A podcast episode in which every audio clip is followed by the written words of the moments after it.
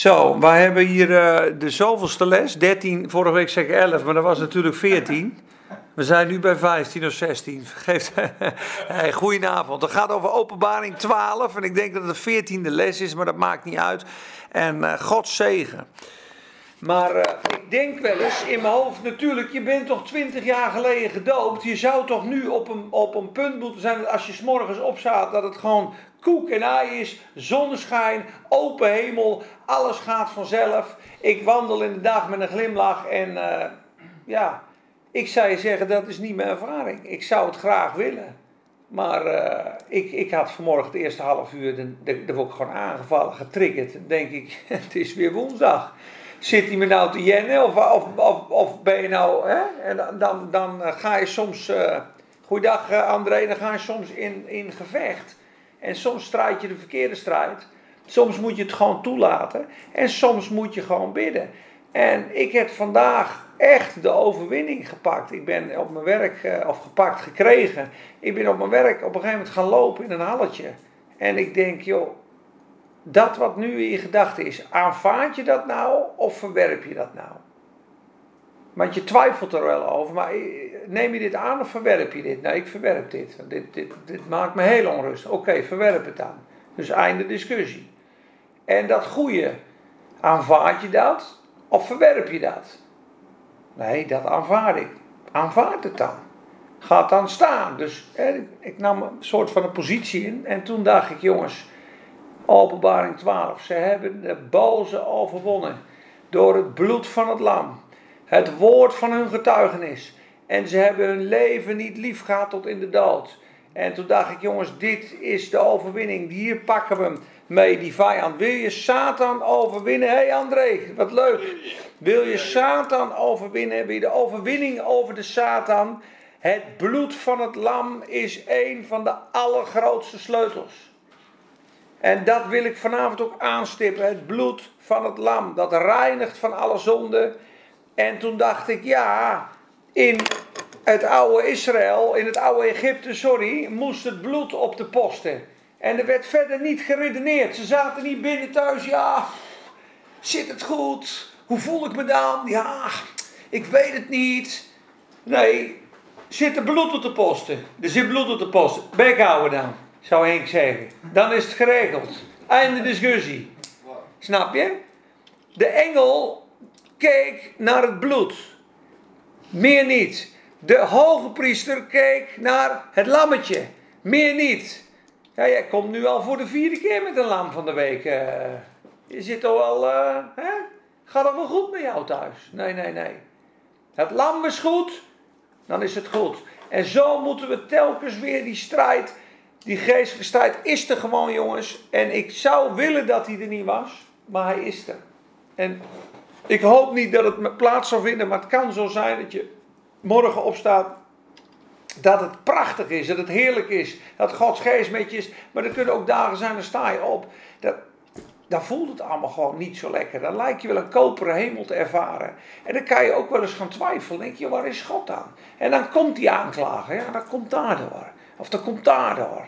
Of je bekeren je niet genoeg. Of je bent nog te hoogmoedig. Of je hebt dit. Hij weet het wel aan te stippen.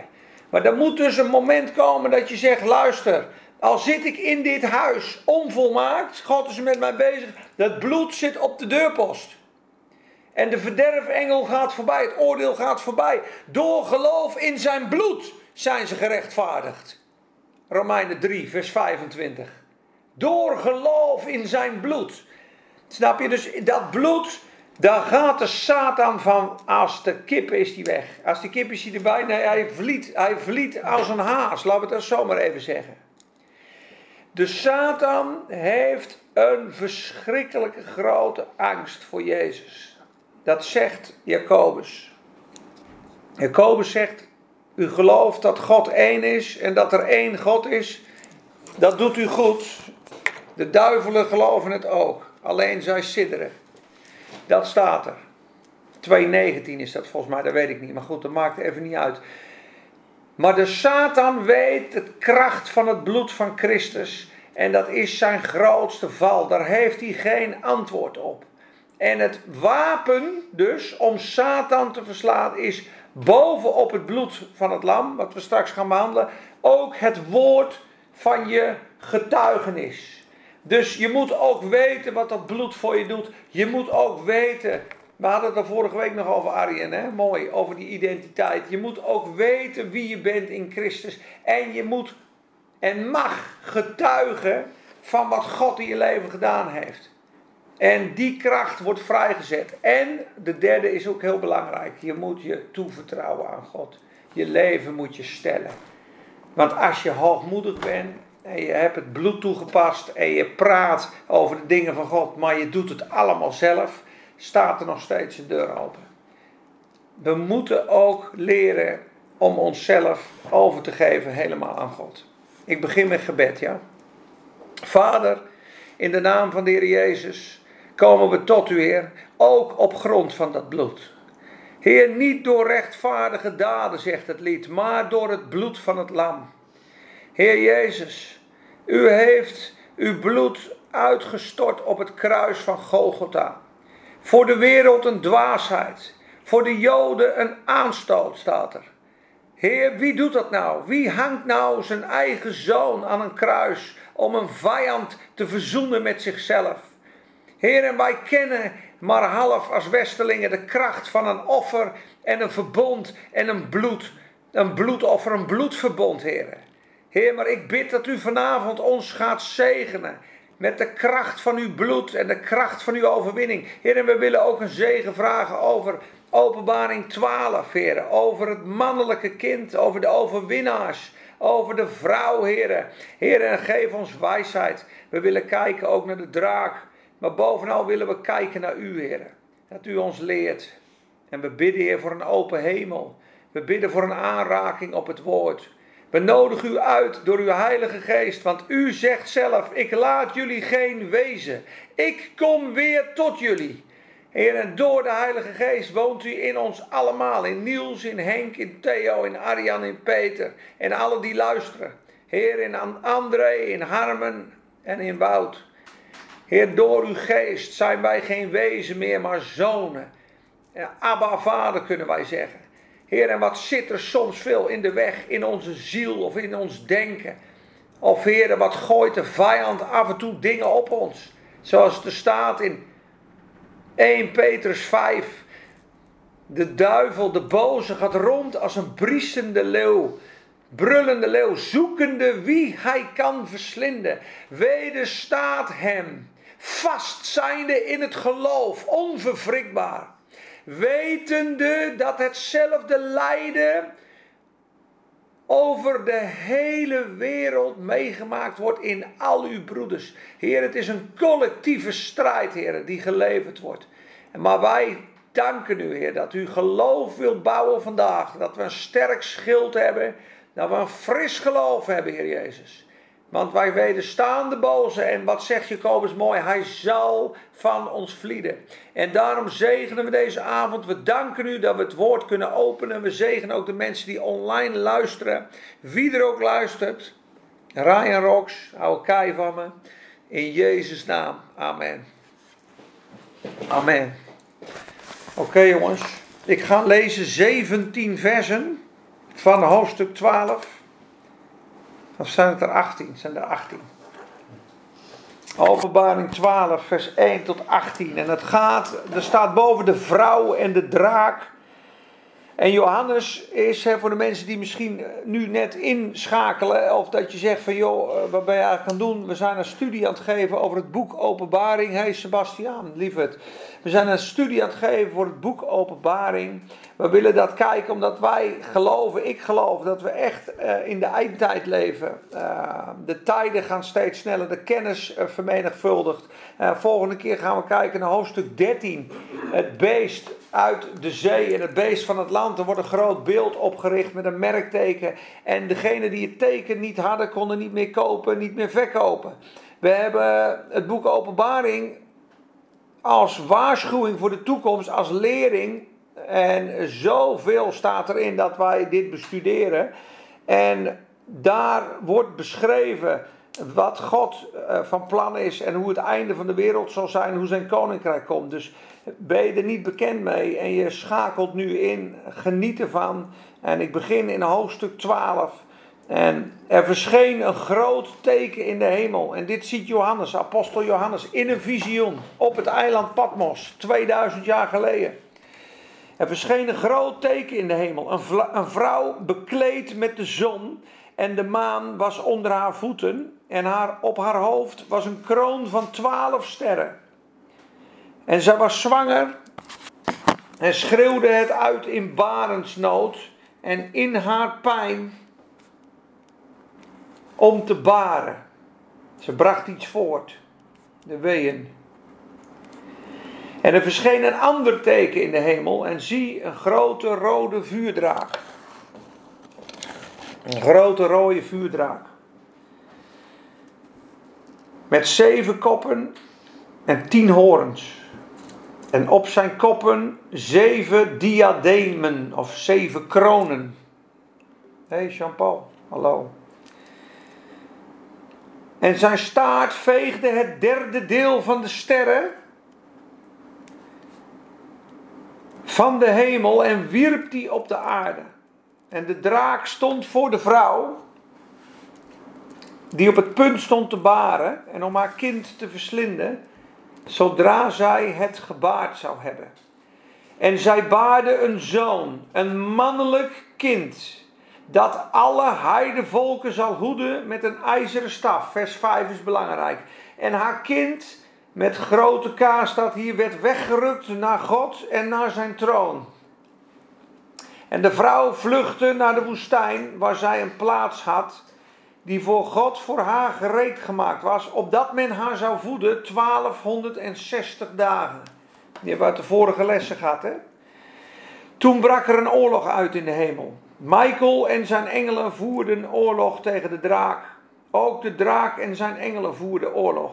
Maar ze waren niet sterk genoeg en hun plaats werd in de hemel niet meer gevonden. En de grote draak werd neergeworpen op de aarde. De oude slang namelijk. Dit is de duivel die Satan genoemd wordt, die de hele wereld misleidt. Het is een misleider. En hij werd neergeworpen op de aarde en zijn engelen werden met hem neergeworpen. En ik hoorde een luide stem in de hemel zeggen: Nu is gekomen de zaligheid, de kracht en het koninkrijk van onze God. En de macht van zijn Christus, van zijn gezalfde, van de Messias. Want de aanklager van onze broeders, die hen dag en nacht aanklaagde, voor onze God is neergeworpen. En zij hebben hem overwonnen, dat is de duivel, door het bloed van het lam en door het woord van hun getuigenis. En ze hebben hun leven niet lief gehad tot in de dood. Daarom verblijdt u hemelen en u die daarin woont. Wee hun die de aarde en de zee bewonen. Want de duivel is naar beneden gekomen naar u toe in grote woede, wetende dat hij nog maar weinig tijd heeft. En zodra de draak zag dat hij op de aarde was geworpen, en dat is het begin van de grote verdrukking, jongens, als hij naar beneden geworpen wordt, ging hij de vrouw vervolgen die het mannelijk kind gebaard had. En aan de vrouw werden twee vleugelen gegeven van een grote arend, opdat zij naar de woestijn zou vliegen, naar haar plaats waar zij gevoed wordt, een tijd, tijden en een halve tijd. Klinkt weer heel bekend, jongens, hè? 3,5 jaar, 1260 dagen, 42 maanden, 3,5 jaar. En de slang spuwde uit zijn bek water als een rivier. Dit is een profetisch beeld, jongens. De vrouw achterna om haar door de rivier te laten meesleuren. Maar de aarde kwam de vrouw te hulp en de aarde opende haar mond en verzwolg de rivier die de draak uit zijn bek had gespuwd. En de draak werd boos op de vrouw en ging heen om oorlog te voeren tegen de overigen van haar zaad, die de geboden van God in acht nemen en het getuigenis van Jezus Christus hebben. en ik stond op het zand bij de zee. Tot zover. Ik ga je vandaag misschien dingen vertellen, ook Arjen, ik weet het niet. Arjen weet best wel veel. Die heeft in uh, Madagaskar is die uitgezonden, is een zendeling. Maar weet je, dit stuk is echt een bijzonder stuk, hoofdstuk 12. En zoals ik vind, zoals Watchmenie het uitlegt, is het echt heel erg duidelijk. Maar dit heb je waarschijnlijk nog nooit gehoord. Je mag het toetsen, je mag vinden wat je ervan vindt. Maar de rest van haar zaad en het mannelijk kind zijn twee groepen. En dat mannelijke kind in vers 5 gaat rechtstreeks naar de troon van God. En mannelijk spreekt van volwassen, een volwassen kind.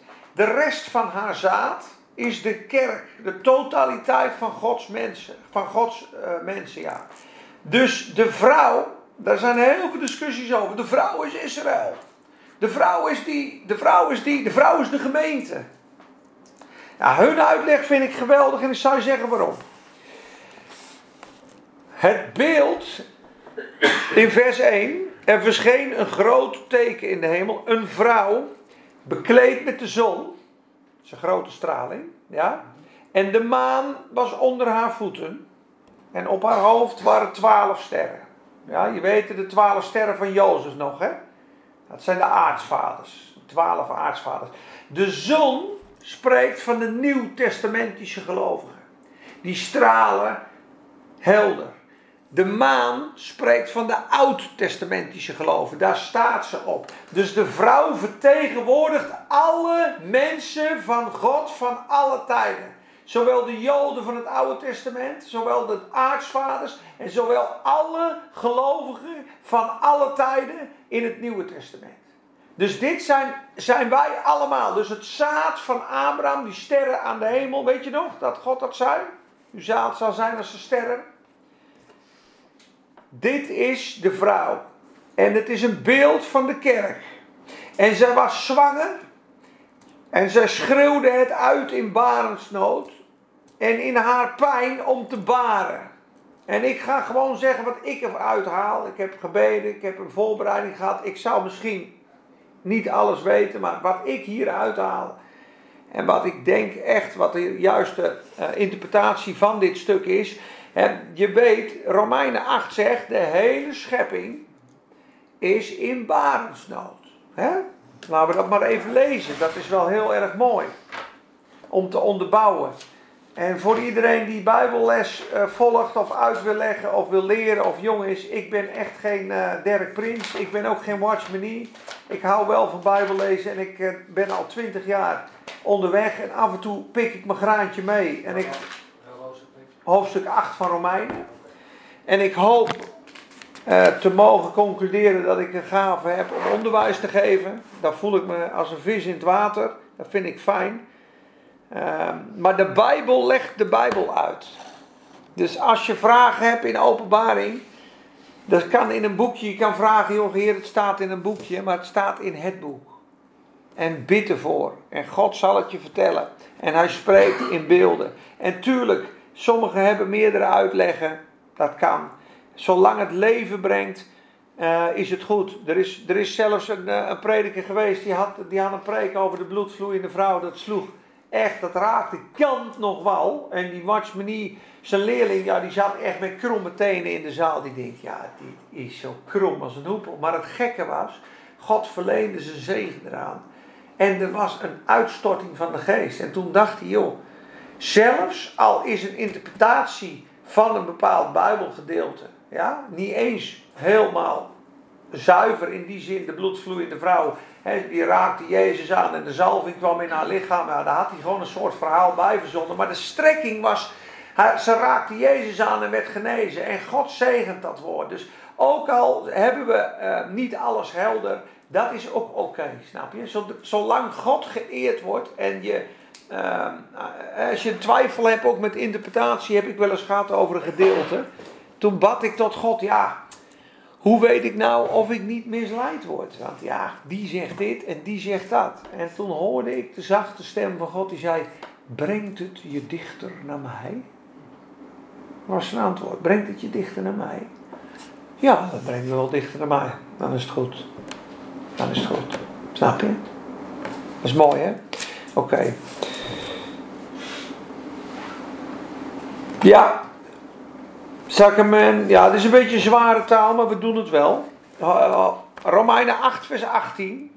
Want ik houd het hiervoor dat het lijden van deze tegenwoordige tijd niet is op te waarderen tegen de glorie, tegen de heerlijkheid die in ons geopenbaard zal worden. Want het schepsel, als met uitgestoken nek, als met opgestoken hoofd, staat hier, verwacht de openbaarwording van de kinderen van God. En hier staat eigenlijk van de zonen van God.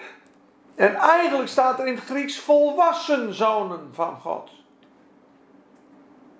De schepping met de schepselen kijken rijkhalzend uit naar de openbaring van de volwassen zonen van God. Want het schepsel is de ijdelheid onderworpen. Niet gewillig, maar om degene zijn wil die het aan de ijdelheid onderworpen heeft.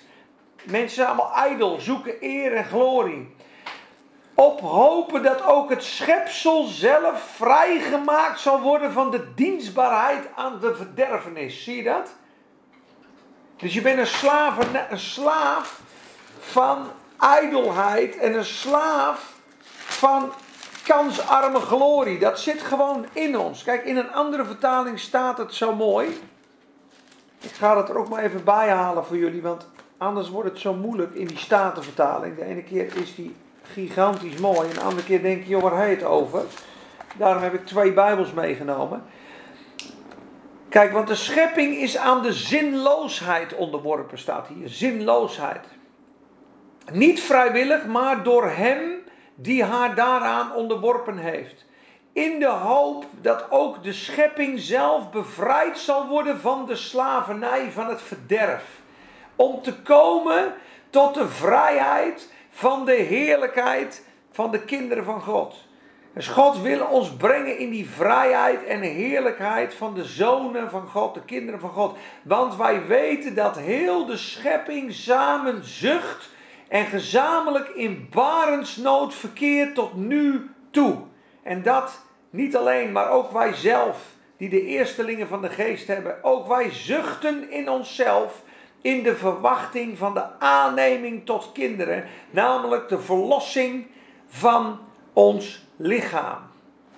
Dus Paulus die leert hier iets, die zegt, joh, de aarde is onderworpen aan de ijdelheid, aan het verderf, aan de zonde. En God wil die schepping verlossen. En God verlost die schepping, goed opletten jongens, door de volwassen zonen van God. God heeft ervoor gekozen om het door de mensen van de kerk te doen. Heel veel ongelovigen denken, waarom laat God dit toe? Waarom laat God dat toe? En waarom doet hij dit niet en dat niet? En God zegt, jongens, het plan is dat mijn kinderen met mijn glorie het plan uit gaan wandelen en de Satan vernietigen en het koninkrijk brengen en zo in die heerlijkheid en zo in die vrijheid komen dat zij als volwassen zonen de schepping bevrijden van de ijdelheid.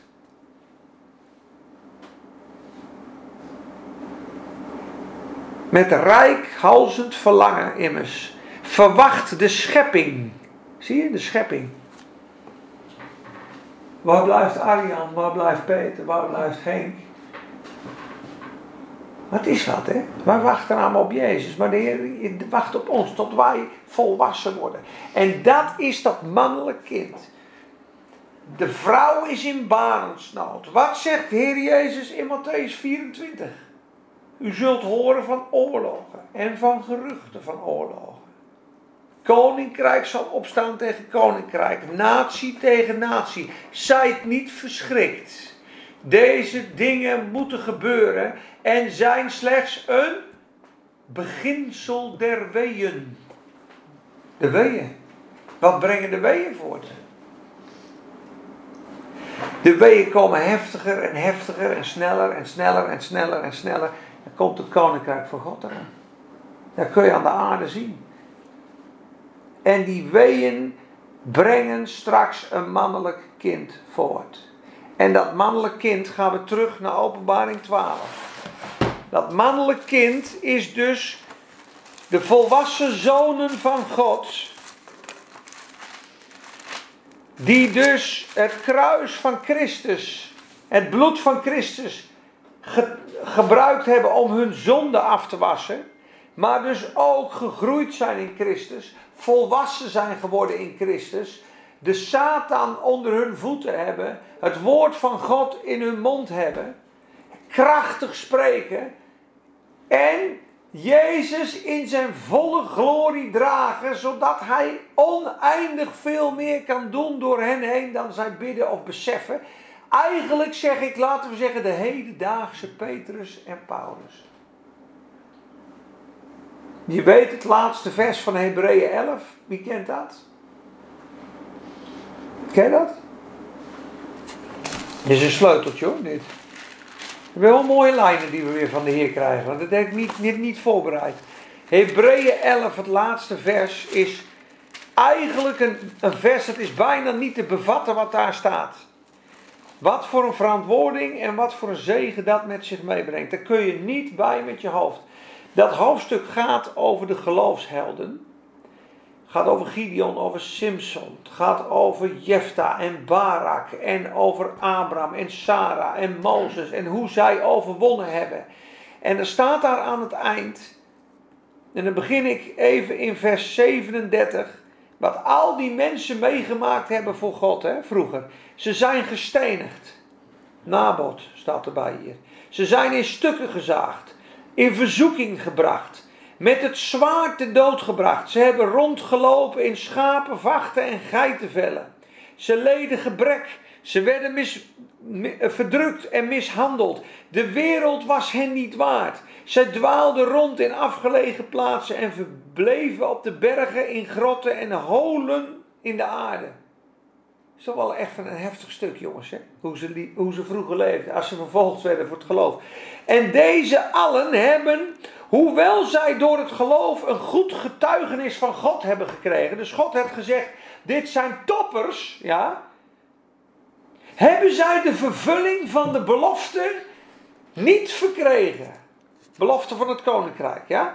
Daar God met het oog op ons iets beters in gedachten had opdat zij zonder ons niet tot volmaaktheid zouden komen.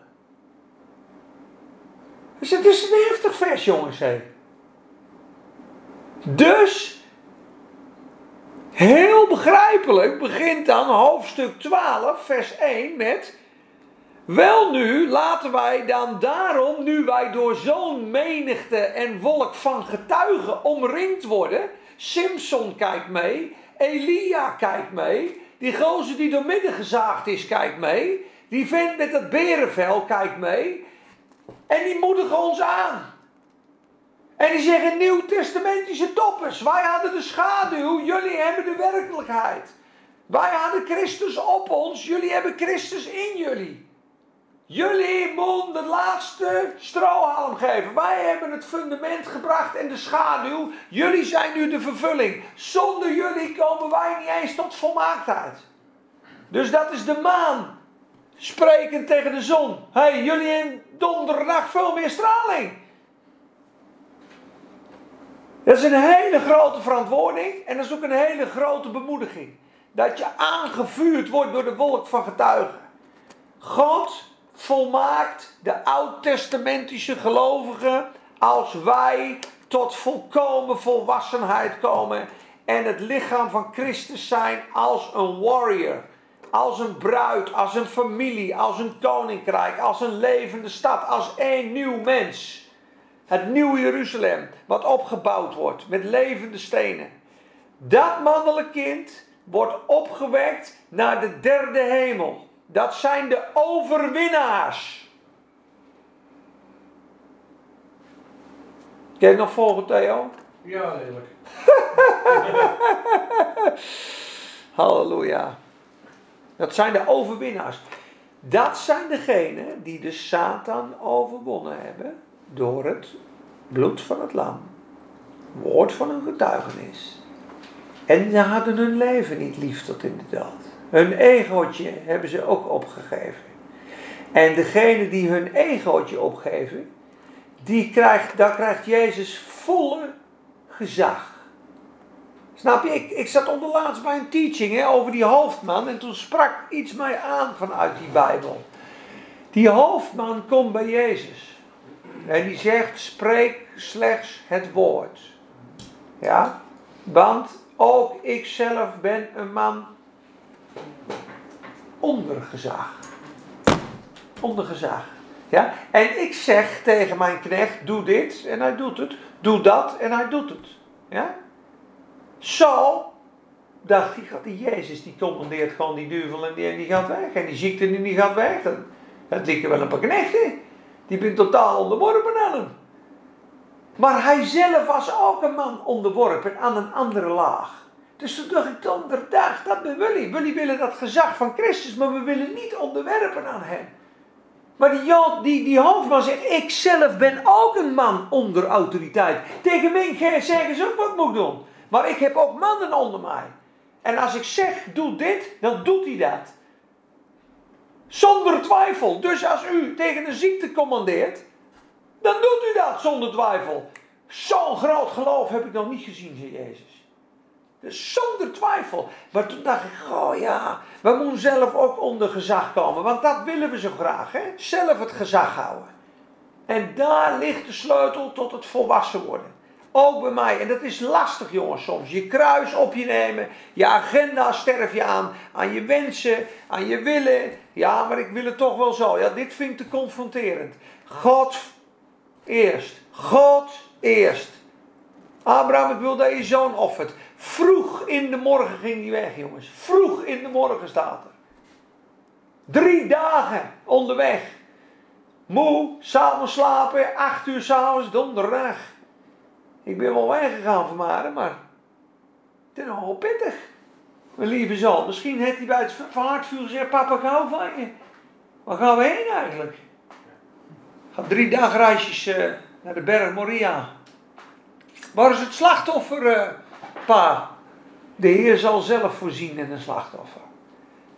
En dan zegt hij, voordat hij die berg op gaat al, wij komen hier weer terug.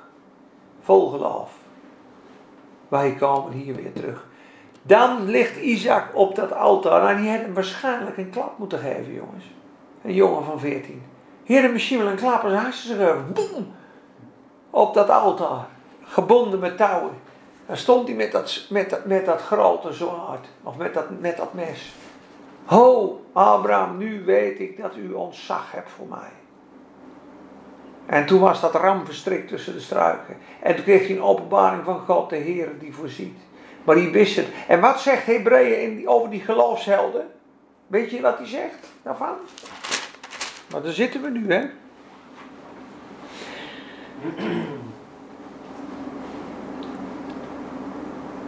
Kijk, door het geloof is Abraham toen hij geroepen werd gehoorzaam geweest om weg te gaan naar de plaats die hij tot erfdeel ontvangen zou. En hij is weggegaan zonder te weten waar hij komen zal. Dus dat is ook al een stuk twijfel waar hij doorloopt. En op een gegeven moment, vers 17, kijk. Door het geloof heeft Abraham, toen hij door God op de proef gesteld werd, Isaac geofferd. En hij die de beloften ontvangen had, heeft zijn enige geborene geofferd. Tegen hem was gezegd dat van Isaac zal u nagezacht genoemd worden. Hij overlegde bij zichzelf dat God bij machten was hem zelfs uit de doden op te wekken. Dus je denkt, donder, ik ga hem nog doodmaken. Maar hij heeft beloofd dat door Isaac zou dat zaad komen. Dus dan wekt hij hem op. En dat geloof had hij. En toen zei God, nou weet ik dat u mij vreest. En had hij een openbaring, werd hij vriend van God genoemd. En daar moeten wij komen. En je weet zelf wel het leven van Abraham. Daar heb ik op Soundcloud trouwens nog een hele mooie uh, onderwijs over. Vind ik persoonlijk zelf. God leren vertrouwen, het leven van Abraham. En dan gaat er over, hij moet het leren. Want eerst zegt hij, dit is mijn zuster. Eerst moet hij uit het land vandaan, zegt God, ga uit uw maagstam, uit uw familie, uit uw vriendling, neemt die Lot mee. Lot toch eventjes rusten op Lot. Lot betekent bedekking. Hij zag zijn roeping niet. En toen hij afscheid nam van Lot, was het bedekkingje weg. En toen zag hij het, zijn roeping. Helemaal kwetsbaar. Zo ver zal ik het u geven. En Lot koos Sodom en hij koos iets anders wat er niet zo mooi uitzag. En daarna moet komt hij bij een koning. Dat is mijn zuster. Hey, is mijn zuster. Ja, is gewoon jokken toch? Is gewoon jokken. Dus hij heeft uiteindelijk tegen hoop op hoop geloofd. Daarna is hij door God op de proef gesteld, op de proef gesteld en daarna is hij Isaac aan het offeren geweest. Toen was zijn geloof volmaakt geworden. Dus dat is het groeiende geloof. Snap je van onze vader Abraham? En dat is dus waar God ons wil brengen. En dan ben je volwassen. En wat doet God dan? Dan verlost hij de schepping en brengt hij de Satan vanuit de hemelse gewesten naar beneden. Want dan wordt het koninkrijk ingeluid. Lees maar eens verder in Openbaring 12. We zijn nu alweer 44 minuten onderweg. Jongens, hoe snel gaat die tijd? Neem ik zo. Wil iemand voor mij een glaasje water pakken, Niels of zo? Als je wil, top. Jongens, kunnen jullie nog volgen? Hey Robert, hoe is het? En Glenn, goedenavond. Jullie kwamen eventjes lekker meedrinken. Oh, Glenn staat te douchen, nog niet? Oh nee. Hé vriend, nee hoor. Oh, top. Mooi zo. Maar we hebben het over openbaring 12. De vrouw is dus alle mensen van God van het Oude en het Nieuwe Testament. Herkenbaar aan de maan van een, een, een, een nachtschijnsel. De schijnsel van het oude verbond was minder helder. En de zon is van het nieuwe verbond, dat straalt. En we hebben het nu over dat ze zwanger was en dat zij uit barensnood ging baren. Ik sla even over dat de draak, dat gaan we volgende keer behandelen met zijn zeven koppen en zijn tien horens, want dat gaat verder in hoofdstuk 13. Volgende week krijgen we de draak, die grote rode draak, die de slang is, die gegroeid is door de jaren heen, die een derde van de, van de engelen, van de sterren van de hemel aframt en ze op de aarde werpt. Maar daar staat dat de vrouw baarde een kind. Een zoon in vers 5, een mannelijk zoon. Volwassen mannen van God. Wat we net in Romeinen 8 gelezen hebben. Wat we gelezen hebben aan het eind van Hebreeën. En wat we ook wel eens besproken hebben uit Lucas 6, vers 40. Iedere, iedere discipel die volwassen geworden is, zal net zo zijn als zijn meester. Dus Christus in ons overwint dan voor ons. En neemt zijn wraak over de vijand. En ze baarden een zoon, een mannelijk kind. Dat zijn dus de volwassen kinderen van God. En die wet, die zal alle heidenvolken hoeden met een ijzeren staf. Openbaring 2, vers 27, hoeven we nu niet op te zoeken, maar dat zijn degenen die overwinnen in hoofdstuk 2, vers 27.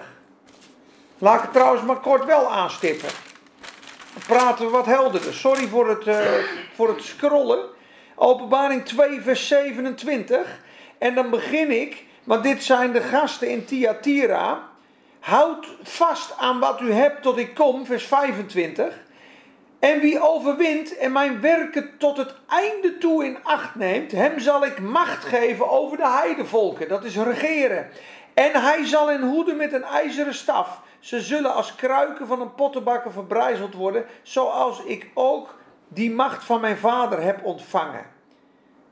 Dus degenen die gaan regeren met Christus in dat duizendjarig rijk, zijn degenen die overwonnen hebben. Waar hebben ze over overwonnen? Wat hebben ze overwonnen? Wat denk je dat ze overwonnen hebben, jongens?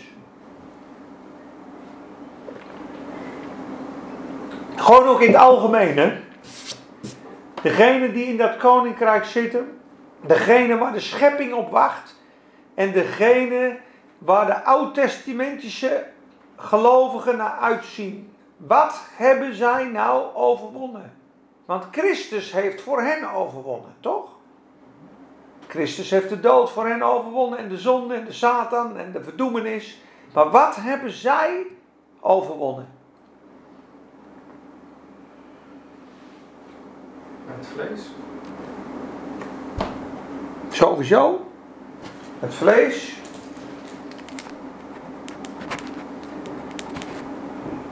De wereld.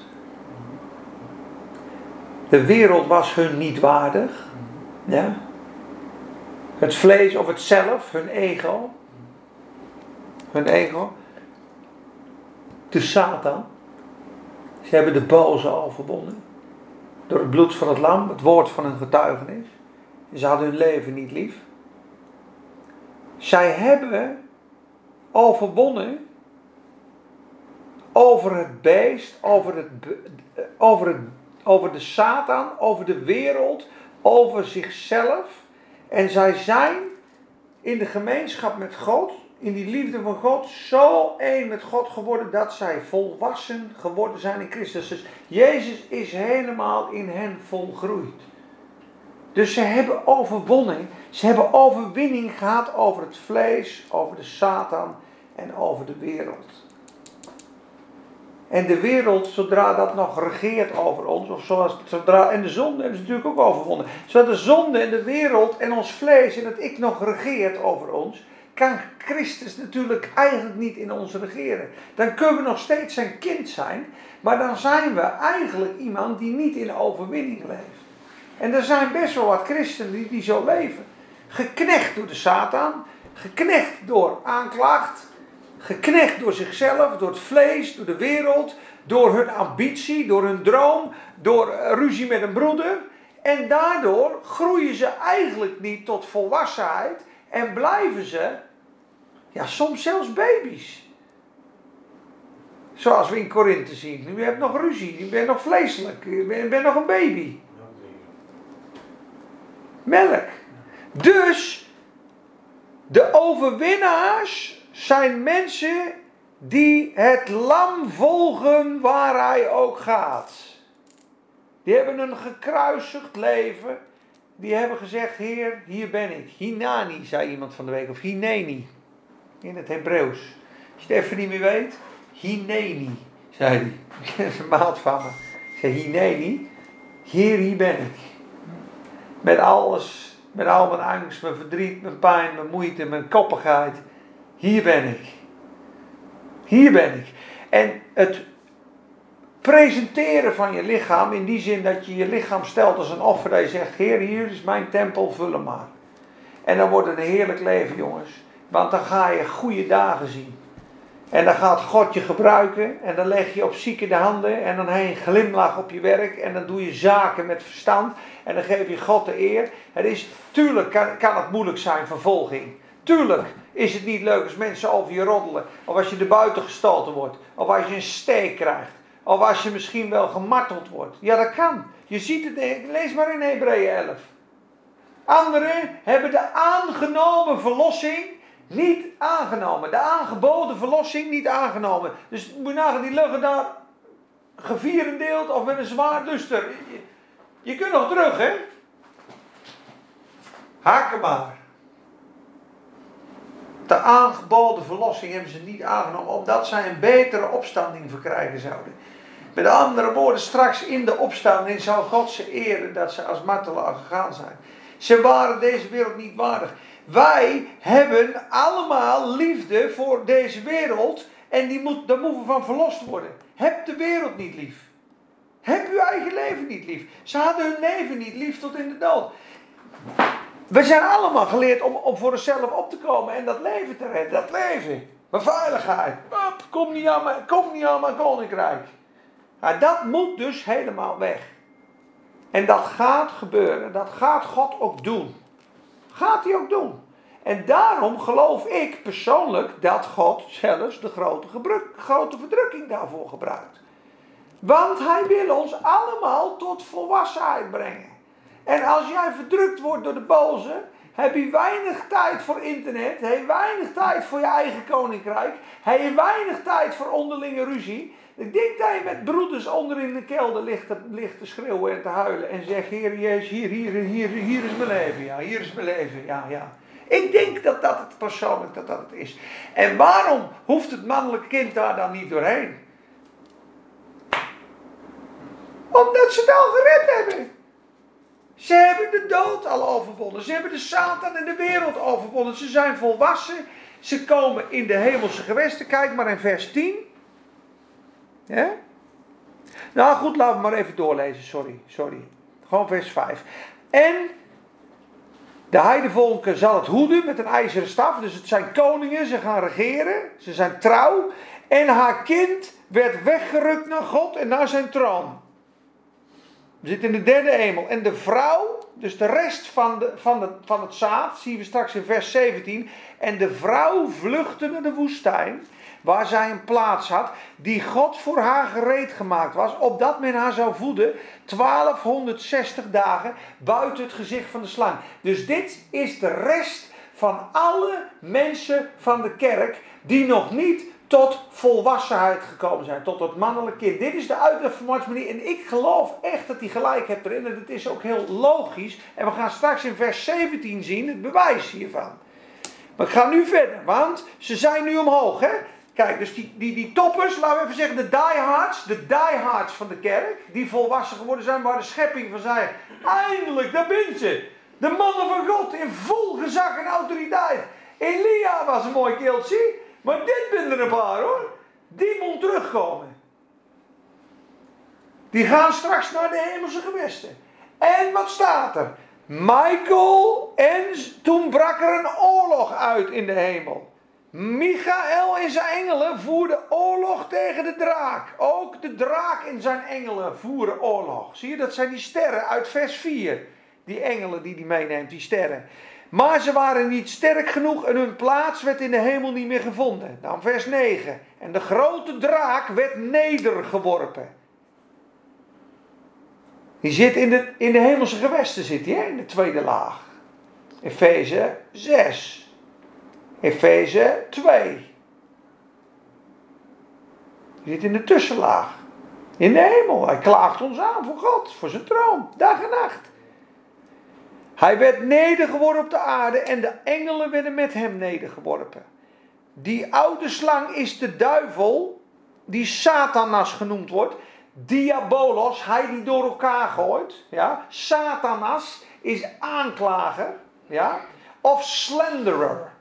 Hij klaagt ons aan voor God en bij ons Belach, belastert hij God. Hij is een slenderer. Tegen jou zegt hij, ja, wat moet die God van jou en dit en dat en zus. En voor God verklaagt hij ons. Dus hij is een aanklager en hij is een lasteraar.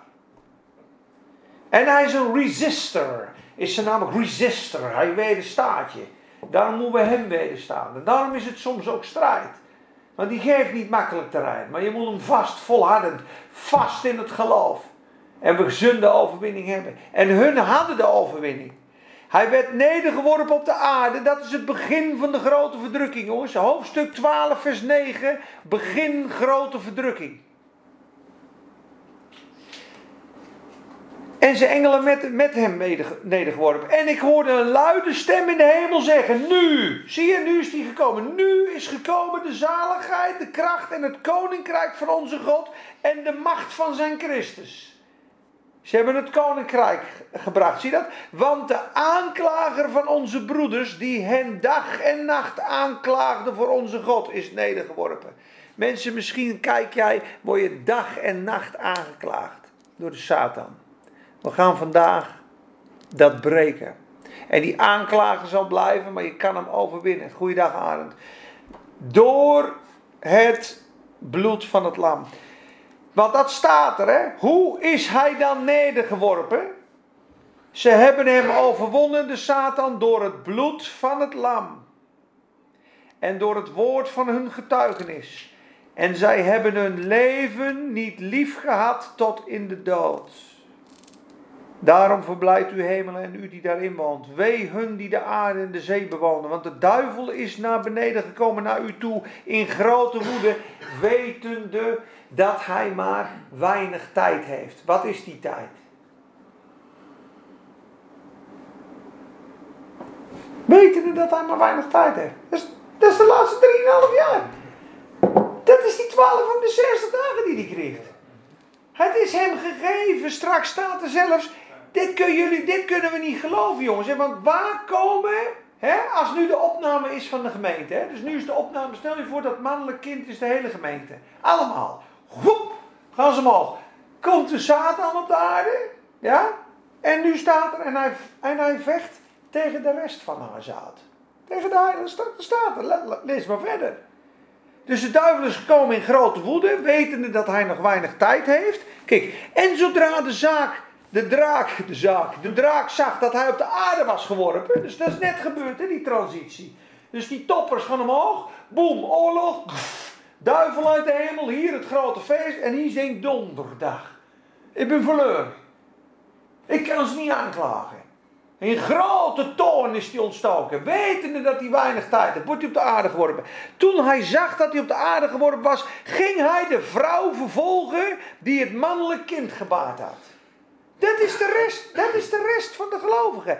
En aan die vrouw werden twee vleugelen van een grote arend gegeven, opdat ze naar de woestijn zou vliegen, naar haar plaats, waar zij gevoed wordt, een tijd, tijden en een halve tijd buiten het gezicht van de slang. Dus hier worden ze 1260 dagen, 3,5 jaar beschermd door God in de woestijn. In een plek dat God toch voor ons zorgt en ons voedt. Buiten het gezicht van de slang. Zie dat? En de slang spuwde uit zijn bek water als een rivier. Nou, dat zullen waarschijnlijk legers wezen of machten. En de aarde gaat hen helpen. Om haar door de rivier mee te laten sleuren. En weet je wat ik heel mooi vind? Watchmenie zegt dit. Dit is Matthäus 25, zegt hij. Hij zegt namelijk in die tijd, zegt Jezus toch, indien je, jij, je bent in de gevangenis geweest, hè? Maar in, broeders zitten normaal gesproken niet in de gevangenis omdat ze slecht zijn, maar omdat ze vervolgd worden. Ja? Wanneer bent u bij mij geweest en heeft u mij te eten gegeven en te drinken en dit? Indien u het aan een van die kleine gedaan hebt, heeft u aan mij gedaan. Hij zegt, die aarde die die, die mond opent om dat water weg te doen, zijn de wereldse mensen die de gelovigen helpen in de grote verdrukking. En daarvan zegt Jezus, dat zijn de bokken en de schapen, jij hebt het aan een van mijn broeders gedaan. En die worden zalig. Dat is een hele mooie uitleg. Maar goed, hoeft niet waar te zijn, ik vind hem mooi. Is ook niet mega belangrijk, maar wel mooi. Oké, de slang spuwde uit zijn bek water als een rivier de vrouw achterna om haar door de rivier te laten meesleuren. Maar de aarde kwam de vrouw te hulp. Zie dat? En de aarde opende haar mond en verzwolg de rivier die de draak uit zijn bek had gespuwd. En de draak werd boos op de vrouw en ging heen om oorlog te voeren tegen de overigen van haar geslacht. Zie je dat? Wie zijn dat? Die de geboden van God in acht nemen, de Joden, en het getuigenis van Jezus Christus hebben, de christenen. En wat lazen we in Daniel 7? De heiligen worden drieënhalf jaar in zijn hand gegeven. Waarom? Vertel het mij niet, vraag het mij niet. Vraag me niet waarom 144.000 verzegelden door die tijd moeten, waarom de twee getuigen omgebracht moeten worden. God zal er een speciaal doel mee hebben. Ik denk dat hij het laatste restje wereld en eigenliefde er met die vervolging uit moet persen. Dat denk ik persoonlijk. Want nood leert bidden. En in de vervolging, vraag me aan Gor Chikikikan, of hoe heet hij? Die zegt, ik ben nu dokter, ik heb nu een paleis. Ja, gaat nu goed met me, maar mijn geloof is veel minder sterk dan de weg er naartoe. Want ik ben als vluchteling hier gekomen, ik ben altijd eruit gescholden. Iedereen lachte me uit, ik ben altijd gediscrimineerd, maar mijn geloof is nooit zo sterk. En nu ben ik hier dokter, ze vinden me aardig, ze vinden me fijn. Eigenlijk moet ik een paar zendingsreizen maken naar een heel zwaar gebied, want ik wil uitgedaagd worden in God. Wij vergeten God gauw, jongens, als het goed gaat. En dat is denk ik waarom het God het toestaat dat sommigen van ons die hun lamp niet vol hebben, die hun span ossen belangrijker vonden en die nog veel van de wereld lief hebben. Ja, waarvan die zegt, maatje, Blijf er maar even. Ik kom je straks halen. Ik zal je voor die slang verbaren. Ik zal je ook voeden. Ja? Maar dat koninkrijk, daar ben je nog niet. Je hebt de Satan nog niet overwonnen met het bloed van het lam, het woord van je getuigenis. En je hebt je leven nog een beetje lief. En die moet geofferd worden. Die Isaac moet geofferd. En als je die offert, krijg je een visie van God. En als je alles loslaat, gaan je ogen open. En zo komen wij tot volwassenheid. En zo komen de oud-testamentische gelovigen, die wolk van getuigen. Die staan straks te klappen, jongens. Top gedaan. En hier wacht de schepping op. En daarom vind ik het ook zo mooi als je dit ziet, dat de broeders onderling niet meer ruzie maken. Want als je dit collectieve plan ziet, denk je wel twee keer na om scheiding en scheuring en ruzie. Want we hebben elkaar keihard nodig. Mannen en vrouwen.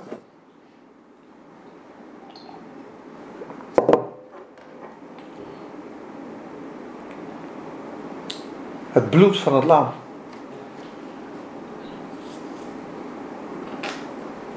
Als er nog vragen zijn online, of vragen hier, of vragen hier, wil ik ze graag beantwoorden. En anders wil ik nog een klein beetje inzoomen op het bloed van het lam, de laatste vijf of tien minuten. En dan wil ik het afsluiten, want we zijn al een uur onderweg. Het gaat gewoon snel. En een uur onderwijs, een uur en een kwartier, dan heb je wel aardig wat binnen gehad. En anders dan neem je het niet meer zo makkelijk op. Maar als er vragen zijn, of als er mensen gebed willen, stuur mij anders maar een DM. Het mag ook later, maar we willen ook nu bidden en iedereen hier bidt gewoon mee.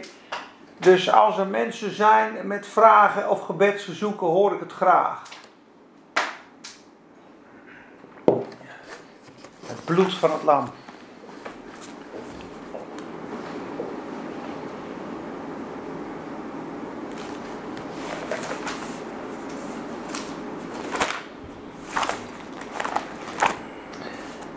Daar begonnen we ook al mee, hè? En die ons gemaakt heeft tot koningen en priesters. En die ons heeft liefgehad en ons van onze zonden gewassen heeft. In zijn bloed. Zie je dat? En dan 5 vers 9, weet je die ook nog? Openbaring 5 vers 9. En ze zongen een nieuw lied en zeiden: Nu bent het waard om de boekrol te nemen en de zegels te openen, want u bent geslacht en hebt ons voor God gekocht met uw bloed.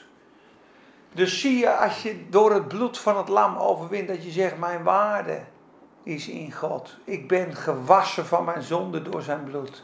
Ik ben gekocht en aanvaard met zijn bloed. Ik ben na, nabijgekomen, Efeze 2, 14, door het bloed van Christus.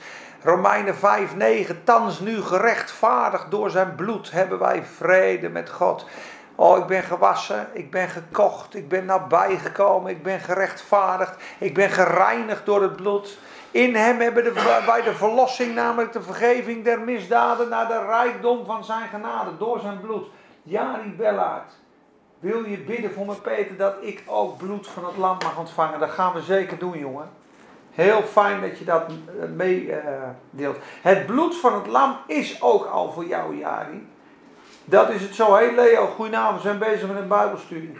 Jari, we bidden voor jou. Het bloed van Christus is voor iedereen beschikbaar. En dat is al uitgestort. Wat je ermee kan doen is het volgende. Je mag het toepassen in geloof. Het is een genadegeschenk. Heeft er iemand nog een mooi woord voor? Jari, wil je bidden voor me, Peter, dat ik ook het bloed van het lam mag ontvangen? Wat, wat zou jij tegen hem willen zeggen, Arjen? Als een jongen op Insta. Wil je voor me bidden? Ik wil graag het bloed van het lam ontvangen. Heb je Jezus, heb je alles. Ja. Jari, heb jij geloof in de Heer Jezus? Niet. Ken jij Jezus? Laten we dat eens even doen. We gaan eventjes kijken of we live kunnen. Of hij dat wil. Dan gaan we even samen bidden.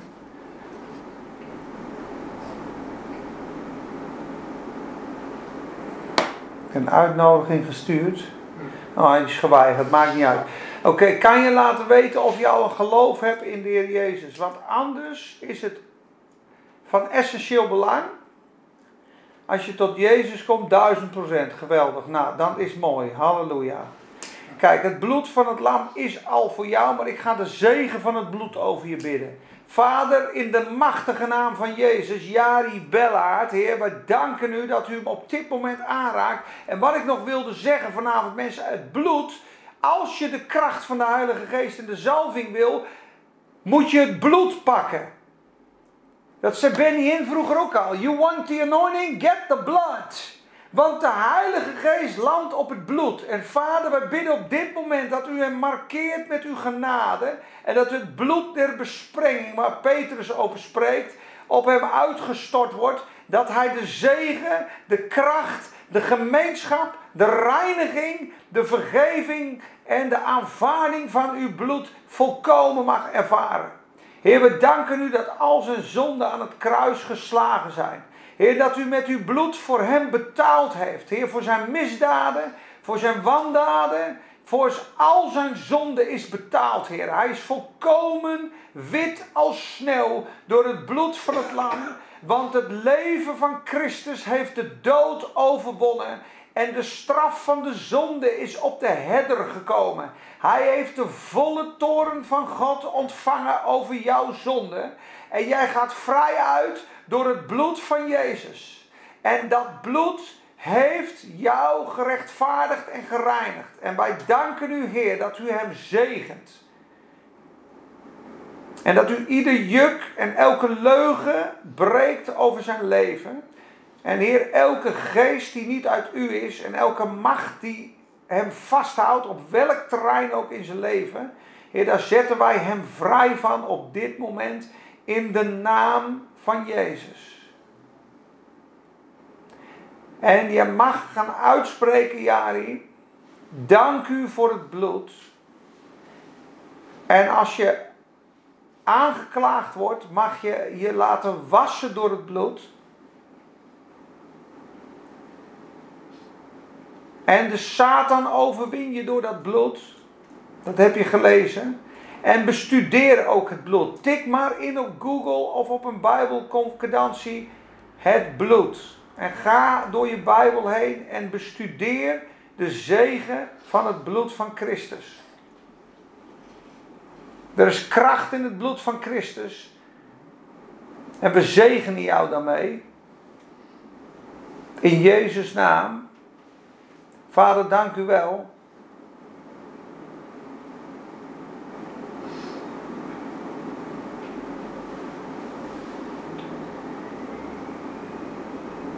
En als christen heb je dat bloed natuurlijk al lang ontvangen. En dat bloed spreekt voor jou. Lees maar in Hebreeën 12. Dat is die, degene die ik jou geef. Hebreeën 12 vers 24.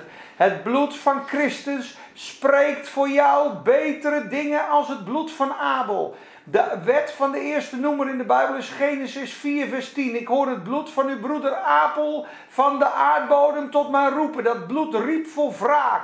Want de geest van de mens is in het bloed. Dus de geest van God is in het bloed van Christus. En op het moment dat het bloed van Christus op jou gesprengd wordt, word je heilig, bekrachtigd en begint de zegen te stromen. Toen de ark van Obed-Edom bij het huis van Obed-Edom stond, werd hij gezegend. En Gods tegenwoordigheid in je leven brengt de zegen. Maar dat bloed van Jezus spreekt betere dingen dan Abel. En dat bloed is uitgestort in de hemelse tabernakel. En spreekt en schreeuwt tot God op dit moment. Verzoening, vergeving, verlossing, overwinning. Dank u Jezus voor het bloed. In Jezus' naam. De zegen we jou mee. Amen. Oké okay, mannen.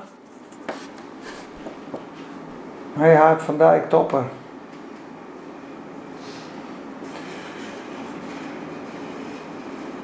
Ja, die bellaat. Halleluja, man. Hebreeën 12, vers 24. Genesis 4, vers 10. Mediteer maar op die teksten. En proclameer ze maar. Gewoon danken voor het bloed. Elke belofte die er staat in de Bijbel ga je gewoon danken. Dank u dat u mij gekocht heeft met het bloed. Dank u dat u mij betaald heeft met het bloed. Dank u dat door geloof in uw bloed ik aanvaarding, rechtvaardiging en vergeving heb. Ga dat maar uitspreken en je ontvangt het door ervoor te danken. En je zult zien, de kracht van God gaat doorbreken. En de zegen van God gaat doorbreken. En de Satan vlucht van je weg. Amen. Amen. Amen. Amen. Hey. Amen. Dat wou ik even horen. Broeders, een gezegende avond. Dank je, Peet. Doe je Bedankt, Peter. zo wit als sneeuw. Oké, mannen.